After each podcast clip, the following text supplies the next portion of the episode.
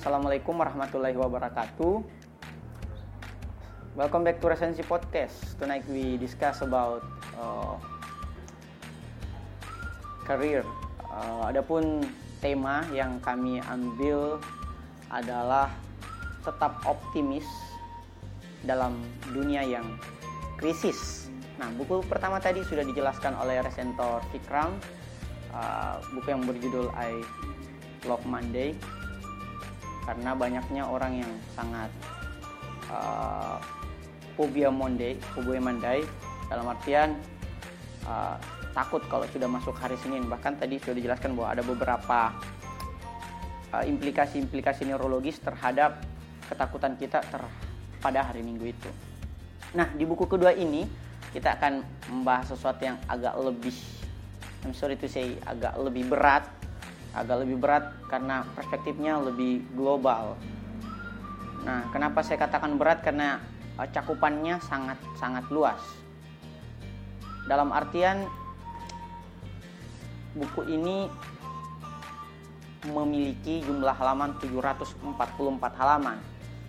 Ya, kalau dibandingkan buku-buku biasa dia mungkin setara dengan tiga buku biasa. Jadi uh, ini akan menjadi kesulitan bagi saya sendiri untuk bagaimana menjelaskan 744 halaman materi yang sangat berat ini ke dalam 20 menit kurang lebih dengan penjelasan yang agak uh, mengalir.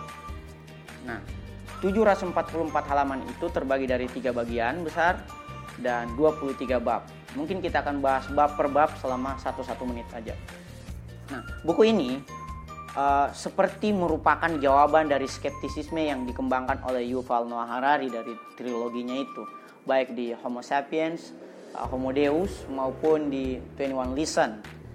Nah, buku yang sangat uh, fenomenal itu menjadi bestseller global, kemudian dijawab oleh salah satu penulis yang sangat masyur juga, namanya Stephen Pinker. Stephen Pinker ini mengambil subjudul Membela Nalar, Sains, Humanisme, dan Kemajuan. Bahkan di uh, channel YouTube-nya Yupal, saya pernah menonton ada diskusi yang menarik Stephen Pinker mewakili optimisme, kaum optimis, dan Yuval Noah Harari mewakili kaum skeptisism.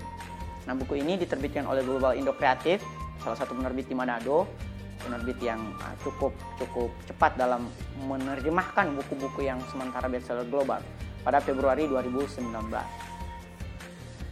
Oke, kita masuk ke bagian-bagiannya atau di bab-babnya. Bagiannya sendiri itu ada tiga bagian. Bagian pertama pencerahan ada tiga bab, bagian kedua kemajuan ini yang agak banyak sekitar 17 bab dan bagian ketiga itu tiga bab juga. Masing-masing bab tentang nalar, sains dan humanisme. Bab pertama tentang pencerahan. Bagian pertama tentang pencerahan. Nah, bab satu itu Stephen Pinker mengawalinya dulu dengan apa sih itu esensi dari enlightenment atau kemajuan atau pencerahan. Esensinya adalah mengutip Emmanuel Kant pada abad ke-17, berani berpikir sendiri. Inilah cikal bakal renaissance di Eropa yaitu berani berpikir sendiri, berani untuk menolak sesuatu yang uh, dititahkan oleh dalam tanda kutip kaum gerejawan pada waktu itu atau berani melawan dogma-dogma dari penguasa ataupun doktrin-doktrin dari kaum feodal, kaum bangsawan sehingga lahirlah berkembanglah paham individualisme pada waktu itu. Jadi esensi utama dari enlightenment adalah berani berpikir sendiri. Nah, di bab keduanya Stephen Pinker kemudian menjelaskan bahwa pencerahan atau kemajuan itu hanya bisa terjadi jika terdapat tiga unsur ini, entropi, evolusi, dan informasi. Yang pertama entropi. Entropi itu gangguan. Kemajuan bisa terjadi kalau terjadi gangguan. Atau mungkin kalau dalam bahasanya Jared Diamond, itu disebut sebagai krisis. Atau terjadinya sesuatu yang tidak kita duga-duga terjadi. Nah, setelah terjadi entropi atau gangguan, lahirlah evolusi atau perubahan, bahwa ada sesuatu yang harus kita ubah dari cara pendekatan kita selama ini. Karena cara pendekatan yang selama ini kita terapkan melahirkan krisis, sehingga kita harus melakukan evolusi. Nah, evolusi itu bisa sukses berdasarkan informasi yang tersedia. Tidak ada evolusi tanpa informasi. Sehingga kalau mau nyambung dengan buku tadi, pelayanan menjadi sesuatu yang sangat penting sehingga kita membutuhkan review dari pelanggan misalnya dalam aspek bisnis, bisnis, kritik dari rakyat misalnya dalam aspek politik. Nah, di bab ketiga Stephen Pinker juga mencoba menjawab tudingan-tudingan dari kaum kontra pencerahan. Mereka adalah kaum-kaum yang anti pencerahan. Pinker kemudian merujuk mereka kepada kaum nasionalisme yang menganggap bahwa negara lebih penting daripada individu. Dan Pinker juga merujuk itu kepada kaum agamawan yang mengatakan bahwa uh, tita ilahi lebih penting daripada individu. Seperti di bab pertama tadi, harus kita pertegas lagi bahwa esensi dari pencerahan adalah individualisme. Inilah yang berkembang sekarang di Eropa Barat maupun di Amerika. Pola pikir individu, bahwa kita tidak boleh bergantung pada orang lain, even itu Tuhan. Nah, kita masuk ke bagian keduanya. Bagian keduanya itu berbicara tentang kemajuan. Di sini ada banyak bab, di sini ada 17 bab Eh, dan masing-masing dari babnya itu dijelaskan banyak sekali data-data dan grafik-grafik indeks-indeks tentang kemajuan yang didapatkan oleh umat manusia sekitar satu atau dua abad belakangan ini sehingga sepesimis apa pun orang yang membaca buku ini dia akan tiba-tiba saja menjadi optimis ketika membaca buku ini. Kenapa? Karena jelas sekali data yang ditawarkan oleh Stephen Pinker mengenai betapa majunya umat manusia. Yang pertama, dia uh, menjawab dulu kalangan-kalangan orang yang progresofobia atau yang takut akan kemajuan. Dia uh, menuding itu adalah kaum kaum kiri. Kaum kiri itu selalu menolak kemajuan. Tetapi di saat yang bersamaan mereka melakukan hipokrit karena mendompleng kemajuan itu sendiri. Dia mengkritik kapitalisme tetapi menggunakan produk-produk kapitalisme. Itulah yang disebut sebagai kaum progresofobia atau kaum yang takut terhadap kemajuan. Nah, di bab kelimanya, kemudian Pinker kemudian masuk ke dalam data-data yang sangat bejibun itu, kemudian uh, menampilkannya secara argumentatif. Yang pertama, kehidupan. Bahwa kita harus optimis karena angka harapan hidup setiap tahunnya, setiap dekade, bahkan setiap abad semakin meninggi. Dulu umur 40 orang sudah siap-siap meninggal gitu. Angka harapan hidup hanya pada sampai umur 40. Sekarang angka harapan hidup itu rata globalnya itu 60 sampai 70. Bahkan di Indonesia sendiri yang kemajuannya tidak maju-maju amat itu sudah 71 angka harapan hidup. Yang paling tinggi di mana? Paling tinggi di Jepang. Di Jepang angka harapan hidupnya itu laki-lakinya 81, perempuannya 86. Jadi tinggi sekali. Walaupun itu juga menjadi dilema bagi masyarakat Jepang karena menanggung beban pensiun yang terlalu banyak. Setidaknya ada poin optimis pertama yang kita dapatkan yaitu angka harapan hidup kembang. Kita harus optimis karena di kesehatan pun pelayanan kesehatan itu semakin membaik. Dulu banyak penyakit-penyakit yang tidak kita ketahui cara penanganannya. Misalnya dulu cacar nggak ditahu nih, gimana ini menyembuhkan cacar? Atau uh, virus-virus kayak uh, influenza lah dan sebagainya yang sederhana itu kita anggap sebagai pengaruh dari jin, pengaruh dari uh, ilmu-ilmu hitam padahal sangat-sangat saintifik. Nah, kita menjadi wajib optimis karena alat-alat kesehatan semakin mutakhir membuat kita bisa hidup lebih panjang. Di bab ketujuh, Pinker juga memberikan poin optimisme baru mengenai nafkah bahwa jika kita merujuk kepada indeks uh, pemenuhan kebutuhan kalori global, sekarang kita lebih bisa makan secara uh, cukup nutrisi dibandingkan nenek-nenek moyang kita satu atau dua abad lalu. Bahkan sekarang kalau kita mau merujuk kepada homodiosnya Yuval, orang lebih banyak meninggal karena obesitas. Angka kematian ter, uh, terhadap obe, angka kematian akibat obesitas lebih banyak daripada angka kematian akibat busung lapar. Jadi coba bayangkan bahwa lebih banyak orang mati karena kegemukan gitu dibandingkan karena busung lapar. Itu menandakan satu poin optimisme baru bahwa pemenuhan kebutuhan kalori itu sekarang sudah cukup terpenuhi. Itu baru tiga poin. Masuk ke poin selanjutnya mengenai kekayaan. Nah, Pinker kemudian mengutip Peter Bauer bahwa kemiskinan itu tidak memiliki sebab. Kekayaanlah yang memiliki sebab. Itu seakan-akan membawa kita kepada kesimpulan bahwa setiap hari umat manusia semakin kaya. Dulunya uh, indeks seseorang dikatakan miskin menurut menurut Bank Dunia adalah satu dolar ketika dia tidak mampu memenuhi kehidupannya satu dolar minimal setiap hari.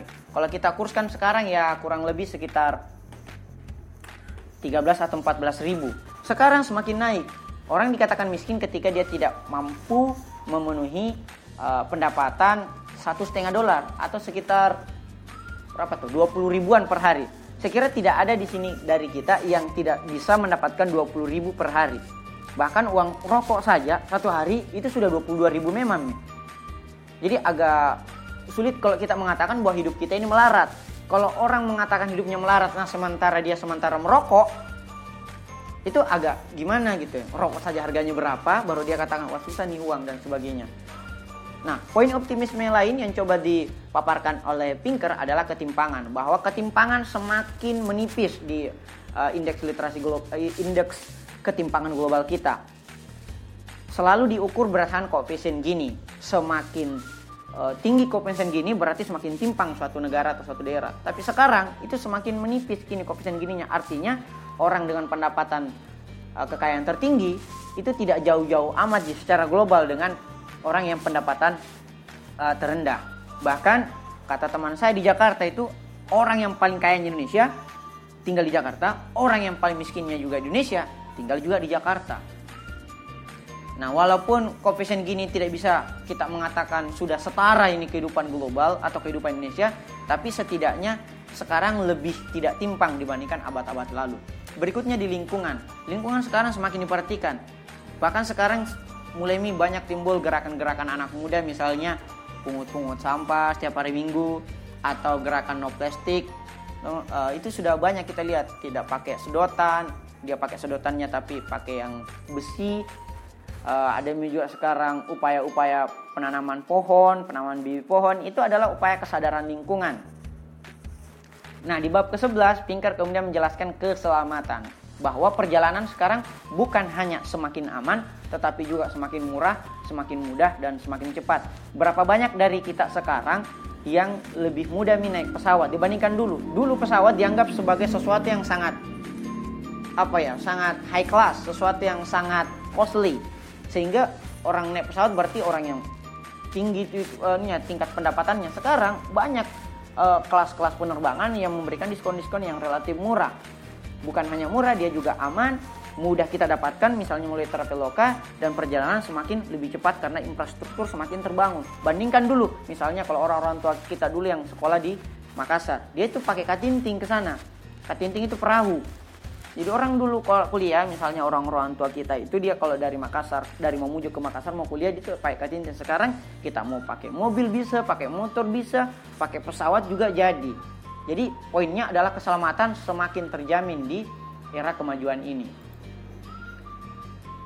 Nah bahkan di uh, aspek terorisme di bab ke-13 itu sebenarnya kalau kita merujuk kepada data angka kematian karena terorisme misalnya ISIS di Timur Tengah lebih rendah daripada angka kecelakaan. Jadi angka kecelakaan sebenarnya lebih banyak daripada orang yang meninggal atau mati karena terorisme, misalnya di Timur Tengah atau terorisme random di beberapa di beberapa negara gitu. Baik itu Indonesia, di Inggris, di Amerika dan sebagainya. Nah, mengenai demokrasi, Pinker kemudian menjelaskan bahwa sekarang lebih banyak negara yang sudah demokrasi kehidupannya dibandingkan dulu. Lebih banyak negara yang otoriter. Misalnya kalau kita uh, ke belakang misalnya tidak cukup satu abad dulu ada bilang Hitler, ada Mussolini, ada Stalin yang kita tahu sendiri sangat otoriter. Jangan jauh-jauh deh. Misalnya kalau kita ke Orde Baru, tidak cukup sekitar 30 tahun lalu kita sangat masih sangat otoriter. Sekarang kehidupan kita bisa menjadi lebih demokratis. Sehingga di buku kami yang berjudul Literasi Kewargaan, kami sebutkan bahwa demokrasi itu ibarat udara. Di satu sisi itu semakin mudah kita dapatkan, di sisi lain semakin mudah dicemari kalau kita tidak menjaganya. Nah, Selanjutnya bab ke-15 berbicara tentang persamaan hak. Sekarang di abad 21 ini opini terhadap rasisme itu semakin menurun. Dulu di Amerika tahun 50-an toiletnya saja harus dibedakan. Jangan toilet, antrian di McD. Antrian di McD itu harus dibedakan. Orang kulit putih, orang kulit hitam. Tidak boleh. Bahkan bus. Uh, tidak boleh busnya sama antara kulit putih dan kulit hitam. Sekarang justru presidennya Amerika sudah ada yang kulit hitam. Begitupun dengan seksisme. Misalnya penerimaan terhadap LGBT. Walaupun uh, ini akan menjadi debatable bagi kaum yang percaya terhadap larangan LGBT dan kejahatan-kejahatan lainnya. Jangan senang dulu ya, Bar ya, karena tidak semua orang setuju terhadap LGBT. Nah, di bab selanjutnya, bab ke-16, Pinker menjelaskan tentang pengetahuan bahwa angka partisipasi sekolah itu semakin meningkat, bukan hanya di global, bahkan di negara-negara yang katanya terbelakang. Contoh di Afghanistan, contoh bahkan di negara kita sendiri, Indonesia. Di Indonesia, partisipasi sekolah semakin meningkat. Dulunya cuma 6 tahun, 9 tahun, sekarang 12 tahun, bahkan sekarang S1 menjadi kayak sajaran SMA aja gitu. Itu membuktikan bahwa partisipasi sekolah semakin meningkat. Sekarang bahkan ada lagi peraturan baru bahwa uh, untuk menjadi dosen harus minimal S3. Makin tinggi nih partisipasi sekolah. Bagaimana dengan pekerjaan? Pekerjaan dulu orang bekerja 70 jam, di abad 20 orang bekerja 70 jam per minggu. Jadi lebih banyak orang di pabrik daripada bertemu sama anaknya sendiri. Sekarang tinggal 40 jam per minggu. Senin sampai Jumat itu dari jam 7 sampai jam 3 atau kalau di barat jam 9 sampai jam 5. 8 jam sini sampai Jumat Sabtu Minggu tidak boleh diganggu. Dulu setiap hari 7 jam setiap hari. Usia pensiun pun sekarang semakin menurun. Dulu usia pensiunnya 70 sekarang tinggal 30 tahun. Banyak sekarang orang yang sudah pensiun di usia muda. Lalu bagaimana dengan kebahagiaan? Kalau kebahagiaan hidup itu sekarang tinggal dua aja pilihannya. Karena dari beberapa data tadi kita bisa menyimpulkan bahwa hidup itu kalau bukan sangat membahagiakan minimal hidup itu sangat menarik kalau masih ada yang galau-galau terhadap kehidupan, betapa banyak mini kemudahan yang diberikan oleh kemajuan-kemajuan yang kita dapatkan. Nah, di bab ke-19, Pinker menjelaskan tentang ancaman otomat otomatisasi atau uh, machine learning atau datangnya robot gitu. Termasuk senjata nuklir. Kira-kira itu mengancam eksistensi manusia enggak? Ternyata enggak juga karena disrupsi yang dilahirkan oleh otomatisasi atau kehilangan pekerjaan akibat otomatisasi itu membawa serta pekerjaan-pekerjaan baru. Dulu ndak ada tuh pekerjaan yang namanya youtuber. Kalau misalnya ada yang mengeluh, ndak ada yang sekarang kasir anu apa namanya ah, di tol digantikan sama mesin. Tapi dulu kan ndak ada juga pekerjaan yang namanya youtuber. Bahkan sekarang ada lagi pekerjaan data analis. Oh banyak sekali, desainer, content creator, blogger, Bahkan sekarang banyak pekerjaan bisa dilaksanakan dalam dilakukan di dalam kamar. Ujuk-ujuk orang tua langsung bilang, "Dari mana kau dapatkan uang? Kenapa kau tidak pergi kerja? Kenapa kau nganggur-nganggur?" Padahal anaknya ini adalah konten kreator atau bahkan gamers. Misalnya kayak siapa tuh yang paling kaya itu? Uh, ada lagi? Hah, siapa? Ya, gaming. Uh, Reza atau Lintar ada lagi satu. Just No Limit Ray Ricis bukan gamers, dia itu content creator aja. Uh, ini siapa namanya tadi Justin Lolimis ini miliaran pendapatan tahunannya dari gamers aja, dari mereview gamers aja. Itu uh, itu pekerjaan-pekerjaan baru yang ditemukan akibat otomatisasi. Begitupun senjata nuklir. Kalau kita takut-takut banget sama senjata nuklir, sekarang check and balance di tingkat global semakin relatif bisa mengoreksi satu sama lain. Misalnya dengan adanya perjanjian damai, adanya gencatan senjata, adanya diplomasi terhadap nuklir dan sebagainya. Di bab ke-20 atau bagian terakhir dari bagian kedua ini, Pinker kemudian menjelaskan tentang masa depan kemajuan. Bahwa kita juga tidak boleh optimisme yang berlebihan. Misalnya, oh berarti ini hidup mudah-mudah amat gitu. Biar kami orang paling kerja saya hanya nikmati. Tidak boleh juga seperti itu. Kita harus tetap seimbang di antara poros optimisme yang berlebihan atau skeptisisme atau pesimisme yang uh, menakutkan, kita mesti menjadi orang yang realisme atau minimal posibilis atau melihat kondisi dengan keadaan realitas sesungguhnya. Nah, di bagian terakhir, Pinker menjelaskan tentang nalar, sains, dan humanisme. Bahwa ketiganya ini adalah pilar dari kemajuan. Pilar pertama nalar, bahwa bagaimana kita bisa berpikir sendiri atau berpikir menggunakan akal sehat kita itulah pilar pertama. Pilar keduanya adalah sains. Tidak cukup aja nalar, tetapi harus mengembangkan sains. Karena kalau nalar to, apa bedanya dengan filosof Yunani klasik? Filosof Yunani klasik juga mengedepankan nalar. Perbedaannya kita menerapkan apa yang kemudian disebut sebagai sains atau eksperimen-eksperimen terhadap ilmu pengetahuan untuk mempermudah ke proses pemenuhan kebutuhan manusia. Dan terakhir, Pinker menjelaskan tentang humanisme bahwa tidak cukup hanya nalar, tidak cukup hanya sains, tetapi juga pada humanisme. Bahwa manusialah yang menjadi tolok ukur kemajuan, maka manusia harus ditempatkan pada status yang luhur. Inilah yang kemudian disebut sebagai humanisme atau ciri terpenting dari individualisme. Nah, apa sih kelebihan dan kekurangan buku ini? Nah, perspektif kami, Resentor, bahwa buku ini menarik. Ditinjau dari segi kayanya, akan referensi dan pesan optimisme yang Pinker sebarkan. Catatan daftar pustakanya saja sudah 118 halaman. Kemudian Pinker menjelaskan juga secara seperti yang dijelaskan tadi data-data yang mutakhir.